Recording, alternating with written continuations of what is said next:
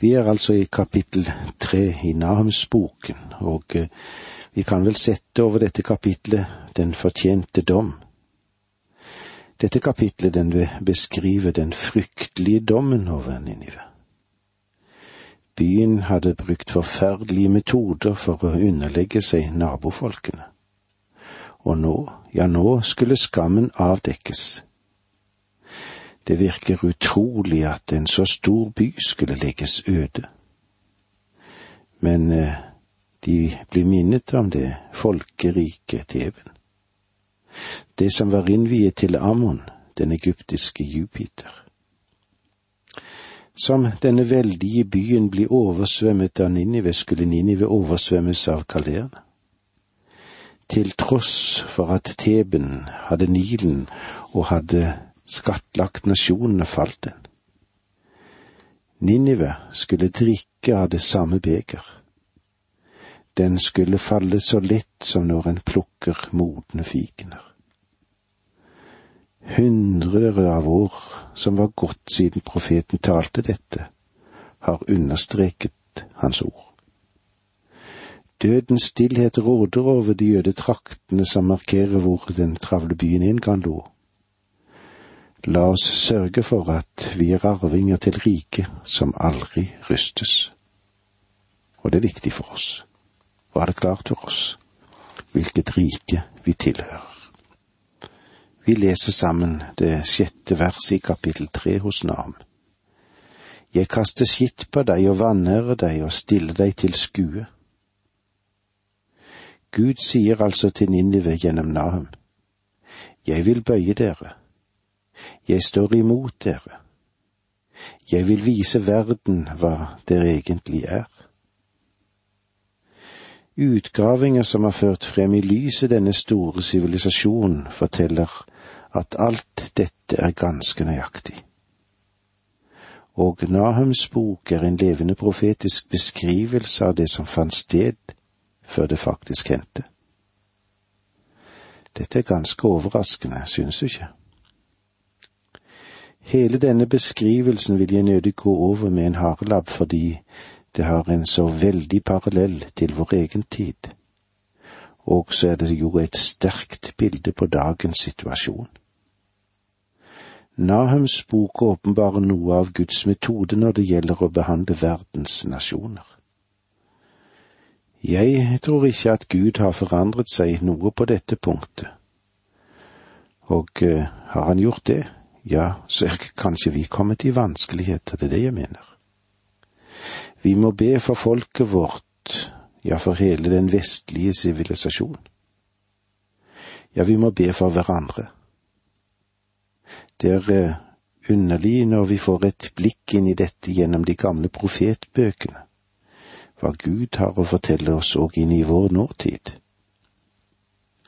Gud kaller denne byen en skjøge, og han sier at han vil avsløre all hennes skam og utukt og råttenskap som denne sivilisasjonen representerer, og gjør den til en gapestokk for verden. Og det var slutten på det store syriske imperium, dette. I vers syv leser vi slik. Alle som ser deg skal rømme fra deg og si, Ninive er herjet, hvem har medynk med henne? Hvor skal jeg finne noen til å trøste deg? Med andre ord så sier Gud, hvor i all verden finnes det noen som vil gråte over denne nasjonen og at den går under? Ingen. Ingen vil gråte, og ingen vil sørge og det er en smertelig situasjon. Ja, i sannhet er dette en trist situasjon. Og noe av det tristeste eller verste en kan oppleve, er når en kommer og ser innom en begravelse hvor det kom absolutt ingen. Kanskje en pårørende. Kanskje en eller to. Det er fryktelig og smertelig å være glemt være utestengt fra det menneskelige samfunn. Og når den siste klokke slår, ja, så er det ingen der. Og du vet at det er ingen som savner deg. Gud sa at det ville ikke være noen som sørget under Ninives begravelse. Naum profeterte om at hele verden skulle glede seg på den dag, og det gjorde den. Da Gud sa dette gjennom Nahum, så var det ingen som ville ha trodd det uten at han hadde trodd på at det var Gud som sa det, og akseptert budskapet slik som vi kan akseptere det ved tro. Men det skjedde nøyaktig slik som Gud hadde sagt at det ville komme til å skje. I vers åtte Er du bedre enn Nord-Amon, som lå ved Nilen, omgitt av vann som hadde havet til festningsvoll og vannet som sin mur? Er du bedre enn Noamon, Noamon er den byen vi bedre kjenner som Teben, den store hovedstaden i det øverste eller øvre Egypt. Dette var hovedstaden for faraoen i det 18. og 20. dynastiet, og med en fantastisk arkitektur som grekerne og romerne beundret. Grekerne de kalte byen for Diopolis, fordi den egyptiske motsvarighet til Jupeter befant seg der. Byen den var forlagt på begge sider av Nilen. På østsiden var det berømte tempelet i Kanak og Lyksor. Homer, den første greske poet, forteller at det hadde hundre porter. Ruinene dekker et område på omkring 40 kilometer. Amon, egyptenes hovedgud, var en gudefigur med menneskelegeme og med et bukkehode. Dommen over denne gudløse avgudstilbedelsen i byen ble forutsagt av Jeremia, som du kan lese om i det 46. kapittelet vers 25, og i Esekiel i det 30. 30. kapittelet vers 14 til 16. Noamon var gunstig plassert blant Nilens kanaler, og Nilen selv ga beskyttelse. Nilen blir som en sjø når den årlig går over sine bredder. Ninive kan lese sin skjebne i Noamons historie, for den er ikke bedre enn den mektige egyptiske hovedstaden. Gud sier til Ninive at Teben burde ha vært et eksempel for det asyriske imperium. Det var asyrene som en gang hadde ødelagt Teben, en svær by som syntes å være så uinntagelig. Det virket som om ingen ville makte å erobre den. Men asyrene, de gjorde det, og de ødela den. Dette skulle ha vært et eksempel for asyrene. Gud hadde dømt Teben, og han rettferdiggjør her det, den sannhet at han også vil dømme Ninive. Guds makt beveges gjennom menneskers makt i verden i dag. Er du bedre enn Noamon, som lover Nilen omgitt av vann? Teben var bygget slik at flomperioden ikke ville trenge inn i byen i det hele tatt. Isteden var det slik at vannet ga en naturlig beskyttelse for byen. Vers 9. Byen fikk sin veldige styrke fra Nubia og Egypt, Pytt og Libya kom den til hjelp. Dette var altså Tebens allierte og lå rimelig nær.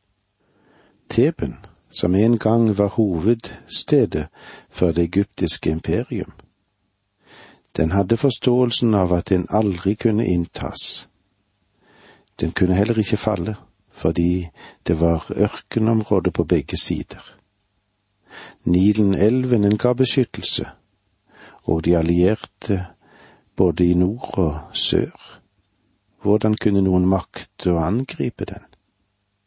Og så kan spørsmålet komme til oss, hvordan kan vi bli angrepet, vi som mennesker? Jo, vi vet vi har en som farer overalt for å ødelegge og knekke det Gud har gitt oss. Byen fikk sin veldige styrke fra Nubia og Egypt.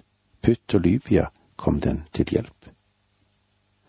Med disse ordene sier vi takk for nå, må Gud være med deg. Dette undervisningsprogrammet består av to deler. Åge Nevland fortsetter nå med andre del av dagens undervisning. Vi er i profeten Nahum. Vi er i det tredje kapitlet, og vi er i avslutningen av denne profetboken. Og i det niende verset i kapittel tre leser vi slik. Byen fikk sin veldige styrke fra Nubia og Egypt, Put og Libya kom den til hjelp. Hvordan kunne noen makte å angripe dem? Det er spørsmålet som kom. Men asyrene gjorde det. Asyrene på sin side følte at de var uinntakelige i sin samtid. Og eh, i dag kjenner vi kanskje noe av denne overlegenhet at vi sammen med våre allierte skal kunne makte hva det måtte være. Når Guds time kommer, når Guds tid kommer, da kan ingen beskytte oss. Vårt beste forsvar i dag dreier seg i første rekke ikke om militære våpen. Vårt beste forsvar ville ha vært å vende tilbake til Gud og anerkjenne Hans makt over oss. Vårt beste forsvar i dag ville være å ha ledere, både menn og kvinner, som hadde absolutt moralsk integritet selv om de ikke kanskje var bekjennende kristne. Om de bare ville håndheve den mektige moralske grunnvoll som finnes i Guds ord. Det var det som en gang bygget opp folket vårt. Selv om ikke alle av nasjonens fedre var troende, hadde de en dyp respekt for Guds ord, og for det etiske nettverk som Bibelen gir anvisninger om. Men når vi forakter og motarbeider dette verk, som vi delvis gjør i dag, ja, så kan ikke Gud velsigne oss som et folk. Han løfter ikke sin arm over og velsigner på hvilke som helst premisser. Du vet, Gud er Gud. I vers ti Folket der blir likevel bortført og måtte gå i fangenskap. Selv deres småbarn ble knust på alle gatehjørnene. Om adelsmenn ble det kastet lodd, og alle stormenn ble lagt i lenker. Det var det Asyria hadde gjort mot Teben, og nå må de drikke sin egen medisin. Det er ikke feil. Gud lar seg ikke spotte. Det et menneske sår, skal det også høste, som det står i Galaterbrevet 6-7. Vi leser nå videre i det ellevte verset i kapittel tre hos Nahum. Også du skal bli drukken, så du går fra sans og samling. Også du må søke vern mot fienden. Asyrene, de ville forsøke å sette mot i seg selv ved å drikke seg fulle, men det ville ikke hjelpe dem i det minste, dette. Vers tolv. Alle dine festninger er som fikentrær med tidlig frukt. Så snart en rister dem, faller de ned i munnen på den som vil spise dem. Når fikene er modne, skal du nesten ikke røre en gren før det faller ned. Og det er det Nahum sier her til Ninive. Slik er de forsvarsverkene dere satte deres lit til. I det øyeblikk fienden kommer, skal dere være som modne fikener som ristes ned uten særlige anstrengelser. Vers 13 Se, ditt krigsfolk er som kvinner. Porten i landet ditt er åpent hvitt for fienden. Ild har fortæret dine portbommer. Tanken her er ganske enkelt at når alt kommer til alt, så var de ikke så modige som en skulle ha trodd. Nå når stormen nådde dem og naturens krefter forenet med fiendeherren trengte inn i byen, da var all deres storhet borte, og alt mot forsvant. Vers 14 Øs opp vann før du beleires, sett borgene i stand, tråkk mudder, stamp leire, ta mursteinsformen fram. I siste minutt så prøvde asyrene å styrke sine skanser. De kokte opp vann som de bar opp på bymurene. Og så helte de kokende vann over de fremstormende fiendene. Men nå er det for seint. I sin stolthet hadde de ikke regnet med at de selv kan falle. Nå er tiden ute for å lage nye skanser og berge seg utenom dommen. Vers 15 Du skal fortæres av vill, sverdet skal utrydde deg. Lik gresshopplarven ete deg opp, om dere mange som gresshoppelarver, tallrike som gresshoppesverm. Naam profeterer her om at de vil forsøke å bringe inn forsterkninger, men det vil ikke kunne hjelpe dem. Vers 16 Dine kjøpmenn er flere enn himmelens stjerner. Larvene kaster havn og flyr. For hvert år økte deres nasjonale verdier, og asyrerne, de var dyktige kjøpmenn men situasjonen de nå er kommet opp i, kan ikke handle seg ut av lenger. Vers 17 Dine oppsynsmenn er tallrike som gresshopper. Du har en sverm av skrivere. De slår seg ned på muren når dagen er blitt sval. Når solen renner, flyr de bort, og ingen vet hvor de er. Når tiden kom, ville lederne forsøke å berge seg selv i stedet for å forsvare det samfunnet som de var satt til å ta hånd om. Men eh, de ville ikke komme unna. Vers 18 Dine høvdinger blunder, Assurs konge, dine stormenn sover. Ditt folk er spredt på fjellene, og ingen samler det inn. Ledersjiktet i Asyria gikk i oppløsning, og det var ikke noe samlet storting som kunne lede folket. Jeg tror dere vil forstå det når jeg sier at et av de store, sterke tegn på oppløsning i en nasjon er mangel på lederskap som har forståelse av hele nasjons beste.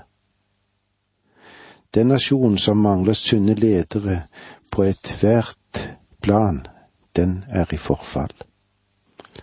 Og det bekymringsfulle er at når ledere velges ut, er det andre ting enn sunne lederegenskaper som teller. Gud sier at mangel på et lojalt lederskap, sammen med andre ting som han nevner, er det som knekket Asyria. Det Gud har sagt i dette kapitlet angående Syria, begynner å passe inn på vårt folk, kanskje som hånd i hanske. En hanske passet Asyria, og det som blir sagt om dem, det er fullbyrdet. Den andre hanske kan passe vår vestlige sivilisasjon. Men lytter vi til hva Gud har å si oss i dag, da, tror du? Nei, det er få eller ingen som taler som om de hørte etter hva Gud hadde å si. Det å vike av fra Herren og avsverge den Herre Jesus Kristus, fredsfyrsten, verdens frelser, tjener oss ikke til ære. Men nå skal du lytte til det avslutningsord som finnes til Ninive. Han sier det med en tone av endelig oppgjør som tung tids tale. Disse ordene får det nesten til å gå kaldt nedover ryggen, ja, kanskje dypt inn i ryggraden. Lystig er det i alle fall ikke, men klart er det. Og vi leser det nittende verset. Det finnes ikke lindring for din skade, ulegelig er ditt sår. Alle som får høre om deg, skal klappe i hendene. For hvem har ikke gang på gang blitt rammet av din ondskap? Det asyriske folk hadde syndet og syndet og syndet. Det var en livsstil for dem å bryte alle tabugrenser. Når mennesker vil peke finger mot Gud og sier at han har feil, at Gud tillater det onde ikke gjør noe med det onde, da svarer Gud, jeg gjør noe med det. Dere kan se dere omkring i verden i dag, og all den urettferdighet som finnes. Men Gud, han gjør noe med det. Gud er rettferdig, og han handler rett. Han er kjærlighetens Gud. Selv da han ødela Ninive og sopte folket bort fra historiens arena. Kartet måtte gjøres om etter denne dommen, og Gud tok det fulle ansvar for at det ble dømt. De hadde sin tid, men de brukte den ikke. Hvem kan klandre Gud for det? finnes det ikke lindring for din skade. Ulegelig er ditt sår. Alle som får høre om deg skal klappe i hendene. For hvem har ikke gang på gang blitt rammet av din ondskap? Det er en alvorlig påminning som Nahum har til oss alle sammen. Og med disse ordene må vi si takk for nå, og det var det som Nahum hadde å si oss gjennom denne profetboken hvor viktig det er å lytte til Guds stemme. Må så Guds nåde og fred være med deg.